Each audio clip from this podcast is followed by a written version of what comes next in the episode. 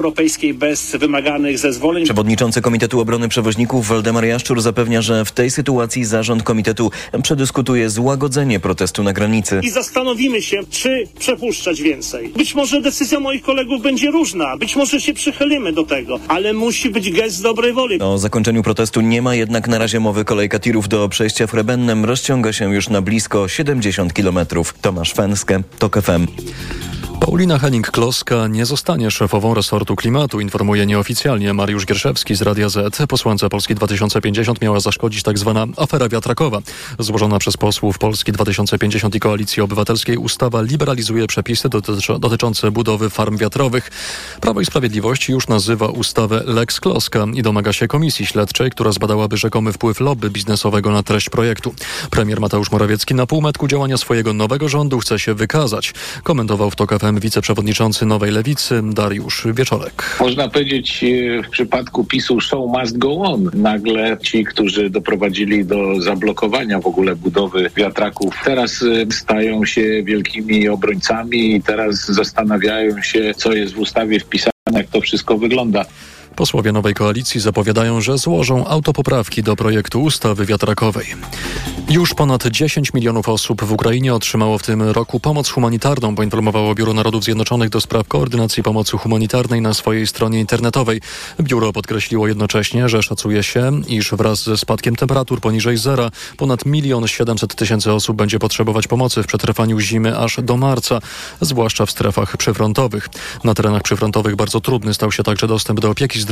Jak podała Światowa Organizacja Zdrowia, odnotowano ponad 1300 ataków na obiekty opieki zdrowotnej. Słuchasz informacji TOK FM. W Monachium spodziewane są marznące opady deszczu. Będzie to mieć poważne konsekwencje dla pracy lotniska, które już na początku weekendu zostało sparaliżowane przez intensywne opady śniegu, informuje agencja DPA. Do wtorkowego południa zostaną wstrzymane starty i lądowania na monachijskim lotnisku. Pro problemy lotniska w Monachium spowodowane gwałtownym nadejściem zimy rozpoczęły się już w piątek wieczorem, kiedy odwołanych została większość lotów. Przedstawiciele lotniska w Monachium oraz Lufthansa potwierdzili, że pasażerowie nocowali w terminalach. Osób nocujących na drugim co do wielkości lotnisku w Niemczech może być nawet kilkaset. Monachium jest kluczowym węzłem międzynarodowego ruchu lotniczego, dlatego problem dotyczy przede wszystkim pasażerów z innych krajów, podkreśla agencja DPA. Bardzo trudne warunki pogodowe są również w Tatrach. W górach trzyma mróz, obowiązuje drugi stopień zagrożenia lawinowego. W niektórych miejscach jest nawet ponad metr śniegu. O szczegółach Katarzyna Młynarczyk. Po ostatnich opadach śniegu większość szlaków jest nieprzetartych, a to oznacza, że wyprawy górskie w takich warunkach są bardzo ryzykowne, mówi teternik Jan Krzeptowski-Sabała. Wyruszając w teren trzeba się liczyć z tym, że te wycieczki mogą nam zająć dużo dłużej niż zwykle, jeśli my będziemy musieli przecierać szlak. Dodatkowo trzeba mieć niezwykle dobrą orientację w terenie, żeby rozpoznać przebieg szlaku turystycznego. Przy planowaniu wycieczek trzeba zwracać uwagę na długość trasy, tak aby spokojnie zdążyć zejść przed zmrokiem. Ważna jest też kondycja, bo chodzenie po górach w tak dużym śniegu jest znacznie bardziej wymagające. Katarzyna Młynarczyk, TOK FM. Pogoda. Wtorek z dużym i umiarkowanym zachmurzeniem i słabymi opadami śniegu. Na krańcach zachodnich również deszczu ze śniegiem. Minus 5 stopni w ciągu dnia w Gdańsku, minus 4 w Białymstoku, minus 2 stopnie w Warszawie, Krakowie, Katowicach, Wrocławiu i Poznaniu, minus 1 stopień na termometrach w Lublinie, Rzeszowie oraz Szczecinie. Radio TOK FM. Pierwsze radio informacyjne. Mikrofon, Mikrofon Tok FM. Tok FM. 5 minut po godzinie 21 słuchamy Radia Tok FM. Trwa program Mikrofon Tok FM. To co, słuchacze, słuchaczki? Ujawniamy nasze, nasze zarobki, czy tak jak chciał nasz słuchacz? Niech będzie chroniona intymność gospodarcza. Niech nie wiedzą, ile zarabia kto u nas. Jak Państwo to widzą? Szczególnie, że jesteśmy wszyscy podekscytowani oświadczeniami polityków, z których wynika, że a, ten ma ciągnik za 250 tysięcy, a tamten kanapę za 18 tysięcy, taką kanapę do domu, mebel za 18 tysięcy e, złotych. I zastanawiamy się, jak to w naszym kraju będzie wyglądało, bo my mamy ograniczony czas w Polsce na wprowadzenie dyrektywy, która po prostu y, będzie nakazywać jawność e, płac. Y, Widełki to będzie efekt wprowadzenia tej dyrektywy. Jeśli będziemy chcieli e, szukać jakiejś pracy, no to będziemy mogli skorzystać z, z tej dyrektywy w ten sposób, będziemy wiedzieli w, jakich ramach się mieści pensja na danym stanowisku. Pod numer 22 44 044 Państwo do nas dzwonią. Czy uważa, że to dobry moment na dyskusję o jawności płac? Właśnie teraz, kiedy politycy składają deklaracje majątkowe, no i z wiszącą nad nami niczym mierz Damoklesa tą, tąże dyrektywą. Pan Arek z Podradomia jest z nami. Dobry wieczór, panie Arku. Witam pana redaktora. Słuchamy pana. E, e, Wie pan co, ja, myślę, że mm, część tych spraw i tak już jest e, jawna. Z tego powodu, że weźmy na przykład, nie wiem, nauczycieli. Tam wyraźnie jest zapisane, że nauczyciel, który rozpoczyna swój jak gdyby karierę zawodową, ma określone pieniądze. Nauczyciel o wyższym stopniu zawodowym ma tyle, tyle, tyle. Różni się to drobiazgami, tak? E, Niech pan, e, nie wiem, no spojrzy na e, kierowcę zawodowego, Mhm. który no też te rzeczy w tej chwili od przeszło dwóch lat teoretycznie są określane przez Unię, że kierowca nie może zarabiać mniej niż, żeby wyrównać szanse, jeśli chodzi o Unię Europejską, tak? Czyli kierowca Polak, kierowca Niemiec, kierowca Mhm. Francuz, mm, te pieniądze, tak? To w pewnym sensie wyrównuje szanse. E, konkurencyjny jest ten, kto jest w stanie na przykład w innym obszarze zrobić sobie oszczędności i być bardziej konkurencyjny cenowo, tak? Więc e, ja uważam, że to jest kwestia jest jakiś czas na to, żeby wyedukować ludzi, tak? Czyli te mm, nasze dzieciaki, które są już powiedzmy na poziomie szkoły średniej, powinny mieć informację, że słuchaj młody człowieku, e, będziesz e, rozpoczynał e, pracę zawodową, zastanawiasz się, gdzie iść na studia, w tej dziedzinie zarobisz tyle, w tej dziedzinie zarobisz tyle, a w tej dziedzinie zarobisz tyle, tak?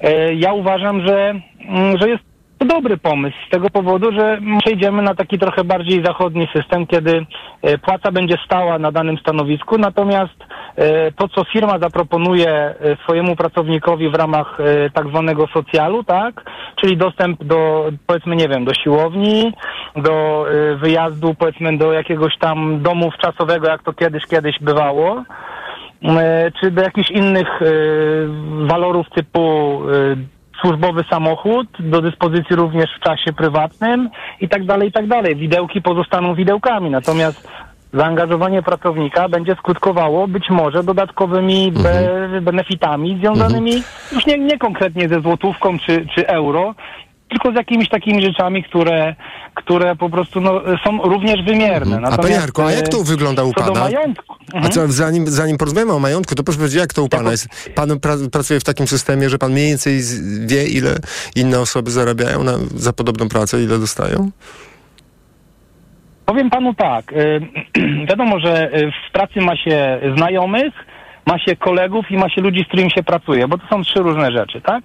I moi koledzy, którym ja ufam, oni ufają mnie, my nie mamy między sobą tajemnic, tak? Y, Ile zarabiamy. I powiem panu tak, że w obecnej firmie pracuję tam powiedzmy od półtora roku i na, na w tym czasookresie między nami e, ludźmi, którzy, że tak powiem, ufają, ufają sobie, mamy jakąś tam więź między sobą i te rzeczy nie są dla nas e, jakimś tam tabu.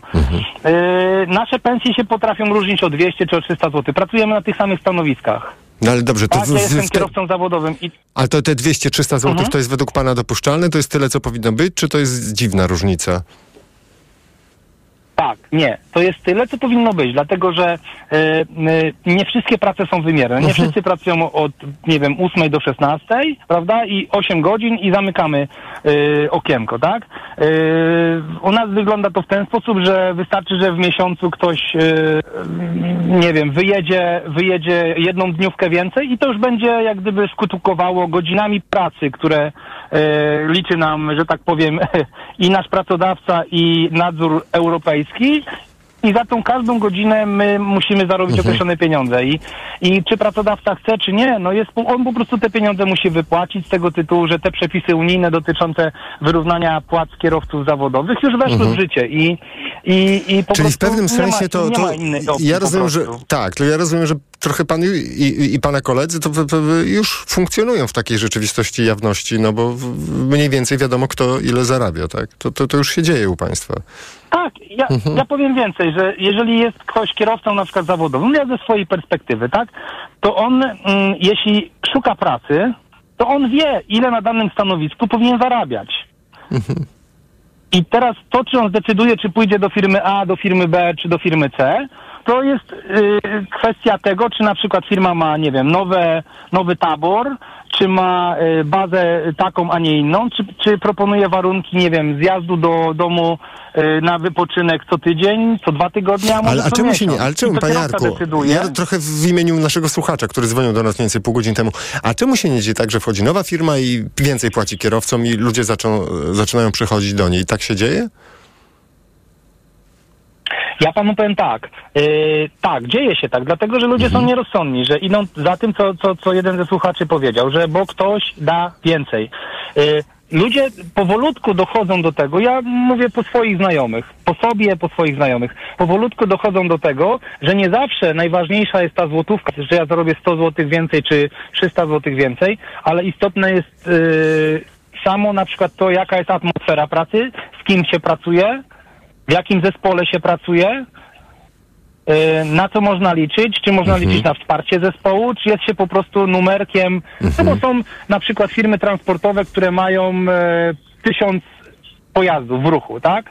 Więc y, nie ma szansy, żeby na przykład kierowca byście z szefem, czy, czy tego. On jest po prostu numerkiem na liście i jest traktowany po prostu tak troszkę bezimiennie. Nie ma tej więzi, nie ma tego. I jeżeli komuś to nie przeszkadza, liczy się dla niego jakaś złotówka czy euro, okej.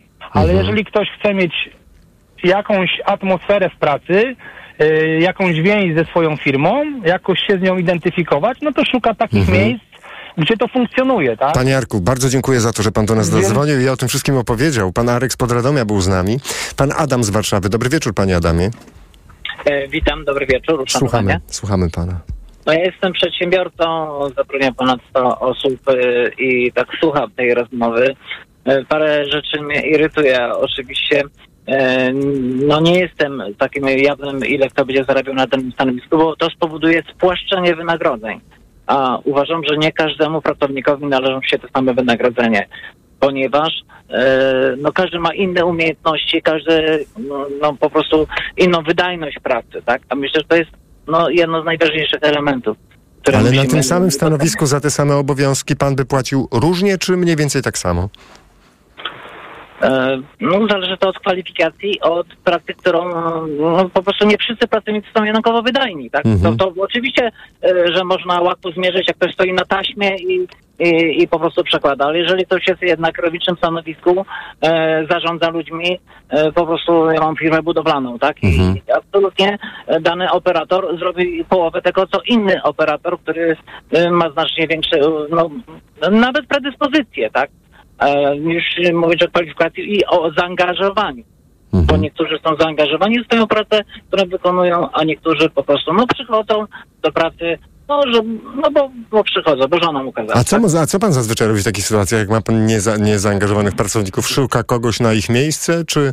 E, czy E, Panie redaktorze, już od wielu lat e, w Polsce jest rynek pracownika, nie pracodawcy. Pracodawcy nie mają możliwości wybierania sobie e, pracowników, muszą dysponować zasobami, które mają, tak, i które można z rynku uzyskać, tak. Uważam, że e, w tej chwili, przynajmniej w branży budowlanej, pracownicy no, dyktują warunki dla przedsiębiorców. ale Nie o jakiego to- rodzaju to są warunki? Że pan po prostu musiałby więcej płacić, tak, żeby ktoś zaangażowany przyszedł do pana do pracy, tak? To o to chodzi.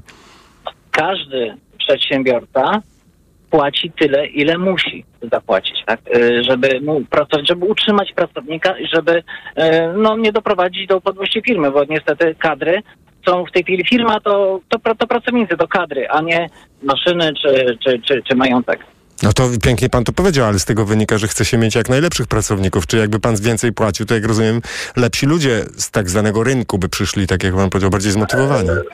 No teoretycznie tak by to wyglądało, ale to w praktyce generalnie nie działa, bo dany Hmm. pracownik, nawet gdyby pan mu zapłacił podwójnie, to on nie zwiększy swojej wydajności, bo to jest niemożliwe, tak? Po prostu e, są ludzie zaangażowani, którzy muszą zarabiać więcej, powinni być doceniani w firmie, a są ludzie, no, którzy tak jak mówię, no przychodzą do pracy, e, no bo przychodzą, albo ich po prostu predyspozycje nie pozwalają na większą wydajność. Mhm. Czyli z pana perspektywy to w ogóle jawność płac byłaby hmm, niemile widziana. e, po, powinny być e, kryteria e, jawne, tak, e, wynagrodzeń, żeby pracownik wiedział za ile pracuje, tak, żeby nie czuł się oszukany Mhm. e, czy po prostu niedowartościowany, tak, Powie- powinien wiedzieć, że jeżeli stawka akordowa, aczkolwiek muszę panu powiedzieć, że ja od e, od 10 lat próbuję w firmie wprowadzić stawki akordowe i mi się to absolutnie nie A czemu? nie Proszę, udaje. proszę mi o to opowiedzieć o tym. Dlaczego? Co się dzieje?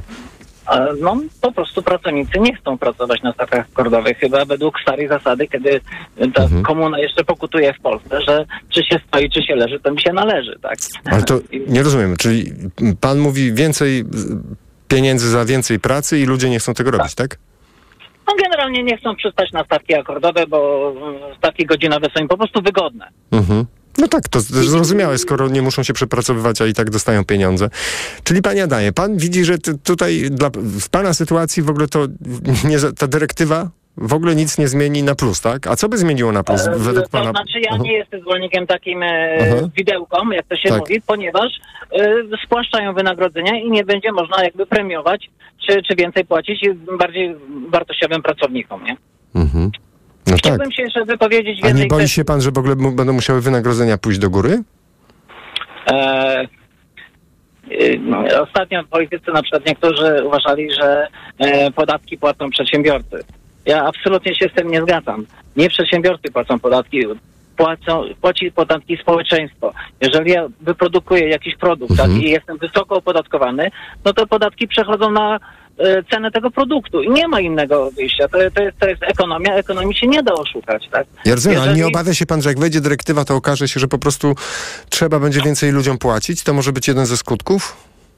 e, ludziom też e, e, płacą klienci, tak? Będzie, będą, jeżeli ja będę musiał więcej płacić pracownikowi, Aha. będzie droższy mój produkt. I, i, tego nie da się zmienić. Nie, nie, panie Adamie, mogą być mniejsze zyski. No, Tak diabo- diabolicznie panu podpowiem. Powiem panu tak, ja uważam, Aha. e, że na przykład, e, tak jak teraz na przykład słyszałem też, że ludzie więcej zarabiający powinni płacić większe podatki. Jeżeli jesteśmy na podatku liniowym, płacimy 19%.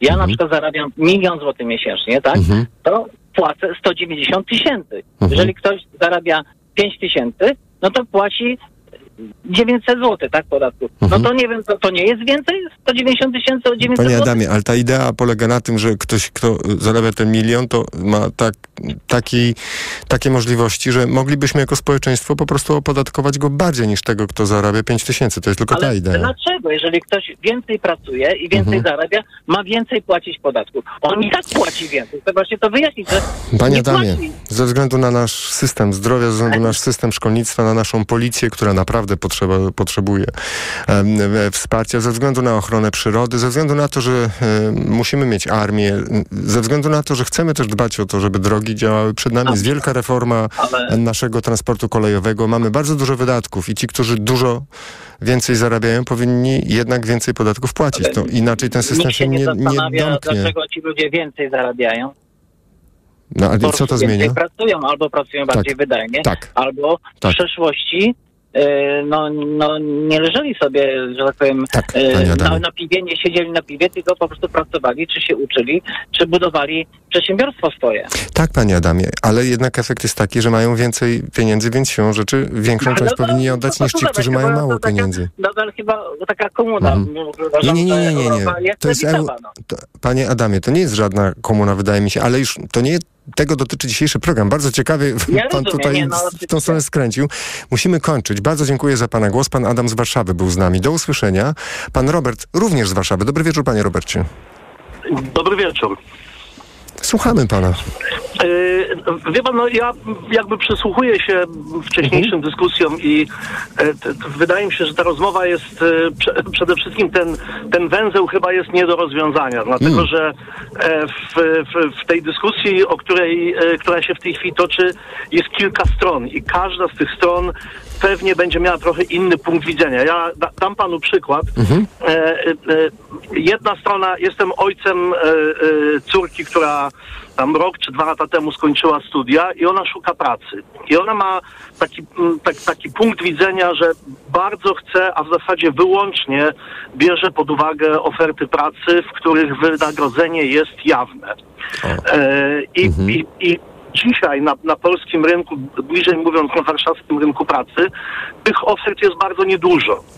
E, jakby pa- patrząc na to, dlaczego ona szuka takiej pracy, gdzie wynagrodzenie jest e, jawne, ja jakby w pełni się z nią solidaryzuję, zwłaszcza, że jest to moje dziecko i rozumiem, że no jakby e, chciałaby przede wszystkim wiedzieć, czy to jest coś, co ją interesuje, czy poziom tych zarobków e, jest adekwatny do jej oczekiwań, e, czy, czy, czy poziom jej zarobków jest adekwatny do jej wyższego wykształcenia i tak dalej, i tak dalej. Także jakby e, e, rozumiem i szanuję jej podejście. Ale, czy, ale czy, drugiej- czy ona poszła na jakąś rozmowę na przykład, czy córka poszła na jakąś rozmowę o pracę i tam się okazało, że właśnie to, co ona oczekiwała z tym, co jest proponowane, dra, dra, dramatycznie się różni? To były takie sytuacje? Nie, nie, nie, nie, nie, nie. To, to, to, to raczej jest kwestia tego, że jakby w ogóle bardzo mało jest ofert w tej chwili, Aha. w których e, wynagrodzenie jest e, jawne. To Po prostu. znaczy, a, Mhm. tak, po prostu jest ich bardzo niewiele i myślę, że oczywiście ta dy- dyrektywa, o której mówimy, ona to zmieni. Zachodzi oczywiście pytanie, czy i kto będzie kontrolował, czy stawki publikowane przez pracodawców rzeczywiście będą tymi, które będą oferowane potencjalnym pracownikom, bo to też wiemy, że my, my jako naród jesteśmy bardzo pe, pełni inwencji i, i potrafimy sobie z takimi jakby biurokratycznymi Mhm. barierami bardzo dobrze radzić, prawda? To jakby mówię No. to bardzo oględnie. To dobrze prawda? pan podniósł ten wątek. Mhm. Proszę kontynuować. I to, I to jest jakby, jakby jeden punkt widzenia pokazuje mojego, mojego dziecka szukającego pracy. Y, szanuję, rozumiem. Z drugiej strony, ja jestem szefem e, dużej firmy, jestem Mhm. de facto pracodawcą, prawda? I e, no tutaj jakby mm, ten punkt widzenia jest trochę inny. Y, y, Nie wiem, który z, który z moich przedmówców mówił o tym, że no faktycznie jest tak, że publikowanie stawek y, wynagrodzenia powoduje wzmożoną konkurencyjność, która nie zawsze jest zdrowa. To znaczy są branże na, na, na rynku, nie wiem, chociażby branże nie wiem, informatycy, prawda, Mhm. Którzy, którzy są bardzo poszukiwani i e, e, no de facto publikowanie stawki e, za pracę informatyka e, no, będzie powodowało, że pracodawcy będą sobie tych ludzi po prostu podbierać. A to problem Nie, jest? E, e, Wie pan co, no, wy, wydaje mi się, że dla pracodawców tak. Dlaczego? Dlatego, że, dlatego, że no, jakby każde przedsiębiorstwo ma punkt opłacalności. I e, no, dojdziemy do sytuacji, w której e, pracownik będzie tak drogi, że będziemy oszczędzać czymś innym po to, by spółka, przedsiębiorstwo dalej było rentowne. E, I, I te oszczędności mogą być robione w bardzo różnych miejscach. Tam któryś z, z moich przedmówców mówił o tym, że, no nie wiem, e, e, e, płace będą porównywalne, pracownicy będą przebierać w ofertach, e, w których będą te benefity pozapłacowe. No jak będziemy naprawdę m, i ścigać się i przeganiać się e, w poziomie wynagrodzeń, no to myślę, że w pewnym momencie tych benefitów pozapłacowych może po prostu nie być. Ja to rozumiem, ale myślę o tym, co, i pewnie słuchacze i słuchaczki o tym, co pan przed chwilą powiedział, że y, jeśli zbyt duże będą oczekiwania płacowe, to, to czy jak rozumiem, że część firm przestanie się opłacać w ogóle funkcjonować? Jak będziemy mniej firm mieli, w których będą, myślę- ludzie będą tak, więcej że- zarabiali. To będzie taki kraj, tak? Tak, myślę, że, znaczy Mhm. wie pan, to oczywiście ja nie chcę generalizować, bo to nie dotyczy e, zawodów, w których y, y, y, rynek pracownika jest bardzo szeroki, ale y, są zawody, w których pracowników na rynku jest y, mało, dlatego że jest to bardzo wąska grupa specjalistów, ekspertów i ci ludzie zawsze będą poszukiwani. Ale czy ja, panie Robercie, bo, bo się- rozumiem, ta, ma pan rację, tylko czy ja Mhm. rozumiem dobrze to, co pan powiedział tu dzwoniąc do nas, że pan ma taką perspektywę podwójną, panie Robercie. To Tak, kiedy pan słucha tego, co mówi córka i co widzi córka, jeśli chodzi o ogłoszenia, ale też pan patrzy na to z drudrugiej strony. I pan, Jako pracodawca, tak, tak, jest. czyli, że, ale to, czy to oznacza, że pan jest za tą jawnością płac? Wie pan co, ja y, y, szczerze powiedziawszy, ja jestem za jawnością, y, natomiast boję się, że ta jawność będzie trochę wirtualna. To znaczy, że y, będziemy publikować y, pewien poziom płacy y, po to, żeby zachęcić kandydatów do zgłaszania się i, i, i, i kandydowania. Natomiast no, rzeczywistość okaże się trochę inna. Y, Wie, wiem, ja na przykład wiem po swojej firmie, prawda? Nie wiem, stanowisko specjalista do spraw logistyki, prawda? Mam jakieś tam widełki płacowe i teraz no, kim innym jest kandydat y, z rynku, który ma przepracowane 3 lata y, i mówi, y, posługuje się jednym językiem. Zupełnie innym pracownikiem jest też specjalista do spraw logistyki, który ma za sobą 15-letnie doświadczenie, włada trzema językami, jest w systemie ERP, który u mnie w firmie funkcjonuje, więc no, trudno będzie naprawdę przypasować, dopasować e, jeden poziom wynagrodzenia do jednego stanowiska. Rozumiem, dlatego, panie to Robercie, jedno to wy- tak. będzie bardzo różne. Panie Mhm. Robercie, bardzo dziękuję za to, że pan do nas zadzwonił. Bardzo dziękujemy za te wątki, które pan tutaj dołożył do naszej dyskusji. Wszystkim słuchaczom i słuchaczkom bardzo dziękuję za to, że rozmawialiśmy o tym. Tych rozmów będzie coraz więcej. Im bliżej będzie wejścia w życie dyrektywy, o której rozmawialiśmy. E, Inspirowali nas politycy składający deklaracje majątkowe. Bardzo dziękuję tym, którzy napisali, komentowali i dzwonili. Dziękuję również Karolina Kłaczyńska, która przygotowywała i wydawała mikrofon TOK FM. Mikrofon, który realizował Krzysztof Olesiewicz. Za chwilę książka na głos, książkę Sylwii Ziętek. Tylko one. Polska sztuka bez mężczyzn. Czyta dla Państwa Ewa Abart. A za 33 minuty informacje, rzut oka na prognozę pogody. Do usłyszenia do jutra do godziny 13, mówi Paweł Sulik. Mikrofon, Tok FM. Tok FM. Wiem, że mogłem dużo więcej. Koniec końców, dumny jestem. Nie wiedziałem, co to przestrzeń. Chyba było coś nie tak. Salon w kartonie, widziałem na stronie, że lotów balonem nie trzeba się bać. Graty w wazonie to jeszcze nie koniec, bo lotów nie muszę się bać. Jak próchno, wystarczył lekki dotyk już na wznak. Było lżej, było. No trudno, szkoda tylko, że tak trochę późno. Kręcę kołem fortuny, a ty mów stop. Kręcę kołem, a ty mów stop. Trochę poczekam, może przejdzie Przerażenie w dużym mieście Przecież dom twój tam, gdzie serce Dłużej nie mogłem tak stać Salon w kartonie, widziałem na stronie Że lotów balonem nie trzeba się bać. Graty w wazonie to jeszcze nie koniec Bo lotów nie muszę się bać. Jak próchno, wystarczył lekki dotyk czy słówko I poszarpany leciał na bruk. Już na wznak było lżej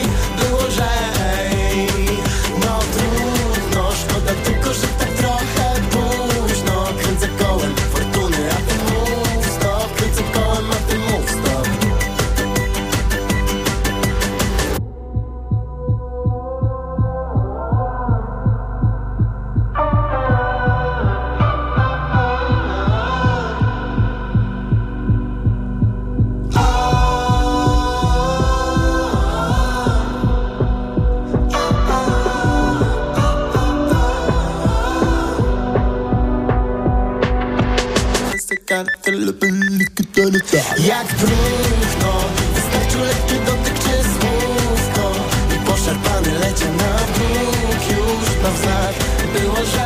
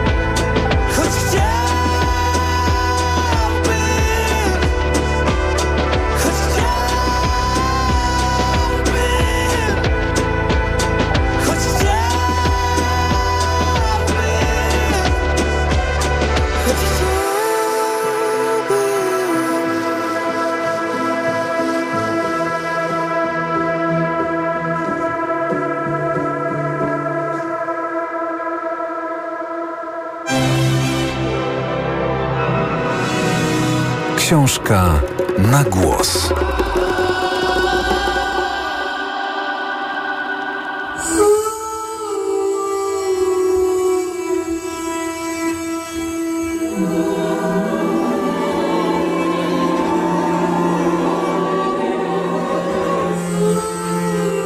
Wydawnictwo Agora zaprasza do wysłuchania książki Sylwii Ziętek pod tytułem Tylko one.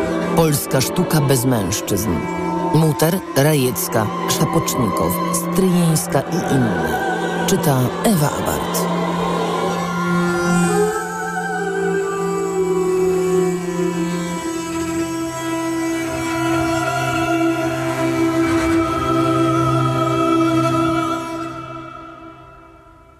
Kiedy wysiada z parowca przybijającego do nabrzeża w Konstantynopolu, wygląda jak typowa matrona należąca do zamożnego mieszczaństwa. Ubrana jest w suknię o sutej spódnicy wzmocnionej turniurą, na głowie ma modny na przełomie lat 60. i 70. XIX wieku przybrany kwiatami kapelusik o małym pionowym rondzie. Żywe spojrzenie ciekawych oczu rozjaśnia okrągłą twarz. Z impetem schodzi na ląd. Jak zawsze silna, odważna, pełna wigoru, jest gotowa na kolejną przygodę. Zachłannie przygląda się ludziom tak odmiennym od zachodnioeuropejskiego wzoru pod względem strojów, zachowania i języka. Ręce już chciałyby chwycić pędzel albo choćby kawałek węgla, aby utrwalić egzotyczne widowisko, jakie oferuje jej turecka metropolia. W wieku 52 lat Elizabeth Jerichau-Bauman cieszy się sławą renomowanej portrecistki europejskich królów, jest członkinią Królewskiej Akademii Sztuk Pięknych, żoną Jensa Adolfa Jerichau, szanowanego rzeźbiarza i profesora Duńskiej Akademii Sztuk Pięknych, przyjaciółką wielkich sław epoki, bajkopisarza Hansa Christiana Andersena, pianistki Klary Schumann, braci Grimm czy Charlesa Dickensa. W podróżnym kufrze Elizabeth wiezie list polecający od duńskiej księżniczki Aleksandry do sułtana w Konstantynopolu. Liczy na to, że dzięki listowi dotrze do odpowiednich ludzi, będzie portretowała miejscowych notabli i otrzyma wynagrodzenie w złocie. Po to tu przyjechała. Musi utrzymać siedmioro żyjących dzieci, których koszty utrzymania i potrzeby są coraz większe. Również dom w Danii kosztuje krocie, nie mówiąc o przyjęciach, które Elizabeth uwielbia wydawać w Kopenhadze. Mężczyźni od wielu lat przybywali do Turcji, aby malować egzotyczne piękności i odaliski, białe seksualne niewolnice z miejscowych haremów. Płótna Delacroix czy Ingresa pobudzały erotyczne fantazje mężczyzn, ale żaden z nich nie uzyskał zgody na namalowanie szanowanej kobiety na co dzień odizolowanej od świata. Elizabeth postanowiła, że jako pierwsza malarka europejska dostanie się do haremu i namaluje tam portret córki osmańskiego księcia Mustafy Fazil Paszy, piętnastoletniej księżniczki Nazli Fazil Hanim. Pomóc ma jej w tym inny list, napisany przez doktora Johnsona, syna poprzedniego prezydenta Ameryki, którego poznała w drodze do Konstantynopola. Gdy tureccy urzędnicy zaczęli otwierać bagaże, Elizabeth, posługując się łamanym arabskim, a także doskonale jej znanym włoskim, pomogła przetłumaczyć wyjaśnienia Amerykanina. Jej znajomość języków zadziwiła towarzystwo jeszcze w trakcie podróży. Aby spotęgować to wrażenie, malarka zaproponowała, aby towarzysze powtórzyli polską frazę chrząszcz brzmi w trzcinie. Zapytana o znajomość tego dziwnego języka, Elizabeth opowiedziała, że jest w istocie Polką, która nie może postawić nogi w rodzinnym mieście Warszawie, odkąd namiestnik Królestwa Polskiego Iwan Paskiewicz zagroził jej ojcu, że skaże ją na chłostę, jeśli tylko pojawi się na polskiej ziemi. Tak wielkie wrażenie zrobiły na nim obrazy przedstawiające ofiary powstania listopadowego. Dzięki listom polecającym malarka dostaje się do haremu. Pokazuje mieszkającym tam kobietom swoje obrazy. Po raz pierwszy zobaczyły te śliczne haremowe oczy artystyczną imitację ludzkiej twarzy. Rezultatem był naiwny, niepowstrzymany, bezgraniczny zachwyt. Jedna próbowała chwycić malowaną złotą ozdobę, druga dotknąć jedwabnej sukni z portretu księżnej Walii. Opisywała Elizabeth tę scenę w wydanych u schyłku życia wspomnieniach z podróży. Młodziutka księżniczka zgadza się pozować. Córka Mustafy Fazil Paszy, brata wicekróla Egiptu, jest wykształconą i otwartą na zachodnie trendy dziewczyną. Wpuszcza malarkę do obitej niebieskim atłasem sypialni, układa się na hebanowym łożu ubrana w codzienny strój, w którym nie pokazuje się publicznie. Różowe, haftowane złotą nicią szarawary i niebiesko-złotą tunikę, której rozchylone poły ukazują okryte transparentną tkaniną piersi. Lampa rozprasza półmrok. Gdy praca nad wielkich rozmiarów olejem 132 na 158 cm zostaje ukończona, w sypialni Nazli rozlega się westchnienie. Spostrzegam matkę księżniczki, która patrzy na obraz i potem, zakrywając oczy ręką, wybiega z pokoju, skarżąc się – ta obca ukradła oczy i ducha mojej córki. Skończyło się wszystko dobrze. Sztuka wygrała z zabobonem. Wspominała po latach malarka. Pozwolono jej zabrać obraz do Europy, gdzie wzbudził niemałą sensację.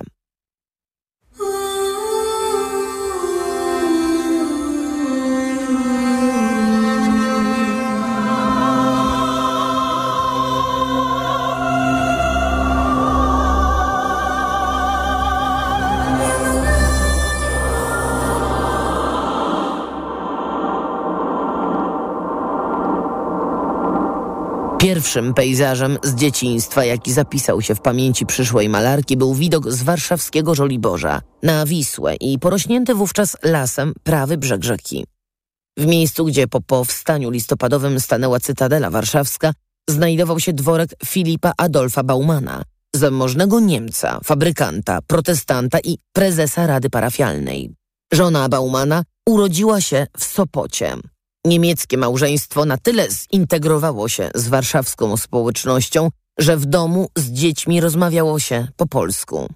27 listopada 1818 roku w domu na Żoliborzu urodziły się bliźniaczki Agata i Anna Maria Elizabeth. Ta druga dziewczynka od dziecka nazywana była w domu Lisinką.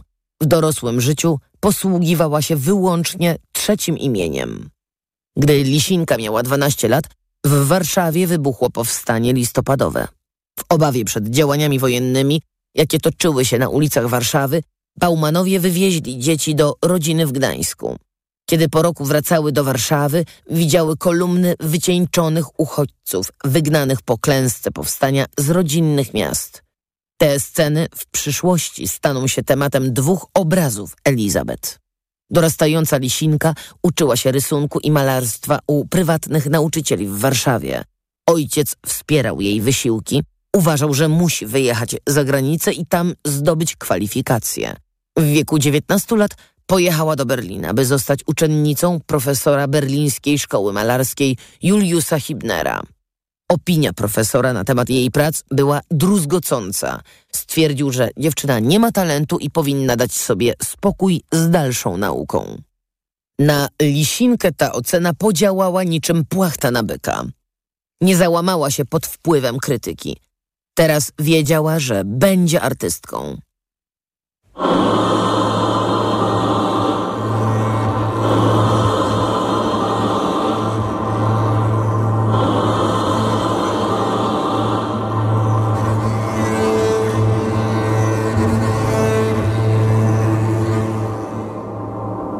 Nieścisła jest często powielana w życiorysach Elizabeth Jerichau Bauman informacja, jakoby studiowała i ukończyła studia na Akademii Sztuk Pięknych w Düsseldorfie.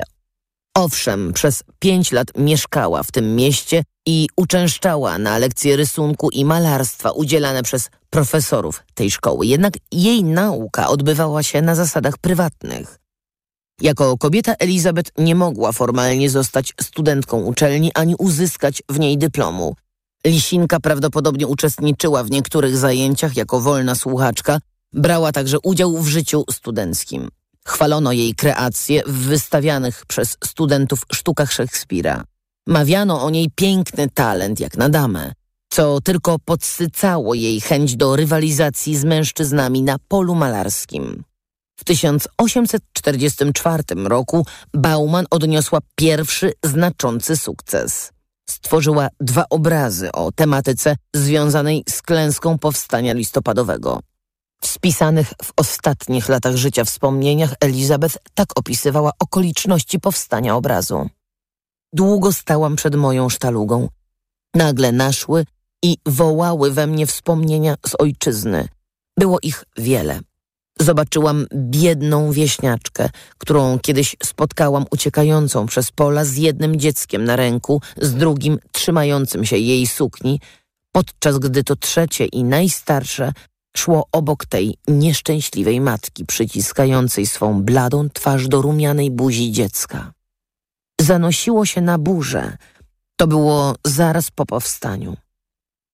Praca zyskała uznanie kolegów z uczelni i miłośników sztuki. Elizabeth zaczęła być wymieniana wśród najlepiej rokujących twórców w Düsseldorfie. Drugi większych rozmiarów obraz olejny pochwalił dyrektor Shadow. W trakcie wernisażu ustawione w centralnym miejscu płótno Elizabeth zwróciło uwagę wszystkich oglądających. Obległ je tłum. Uznano, że jest wyjątkowo udane i promieniuje siłą. Podobne poruszenie powstańcze sceny wywołały na wystawie w Królewskiej Akademii Sztuk Pięknych w Berlinie. Oba płótna były też pokazywane w innych miastach.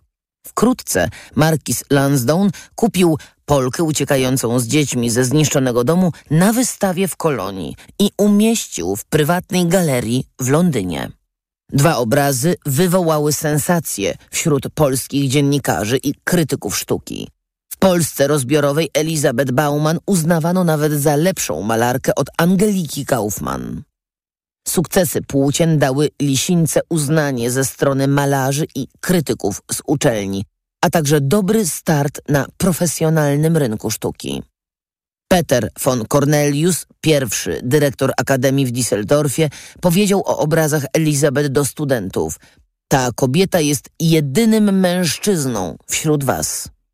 W tamtych czasach malarka nie mogła liczyć na większy komplement.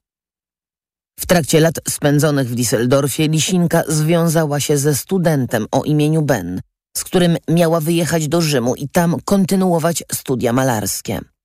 W 1845 roku Lisinka zawarła bliższą znajomość z artystami duńskimi, żyjącymi wspólnie w wynajętej pracowni. Zakochała się w o dwa lata starszym duńskim rzeźbiarzu neoklasycznym, Jensie Adolfie Jerichau.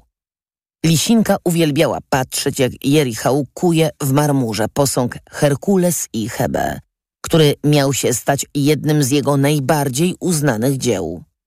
Obserwowała go z ukrycia, przekonana, że ma przed sobą człowieka, który stanie się jednym z najwybitniejszych rzeźbiarzy epoki. Przez dłuższy czas zabiegała o jego uwagę i chociaż Jerichał wprost komunikował jej, że nie jest dla niego odpowiednią kobietą, uroda i talent Elizabeth musiały zrobić na nim wrażenie. Któregoś dnia Jens Adolf przekazał jej kartkę, na której napisał, że od drugiego dnia świąt Bożego Narodzenia mogą się uważać za narzeczonych. Oświadczyn nie było, jednak szczęśliwa Lisinka czym prędzej zaplanowała ślub na luty 1846 roku w trakcie rzymskiego karnawału. Jeszcze nie podejrzewała, że miłość do Jensa Adolfa okaże się jej największą słabością.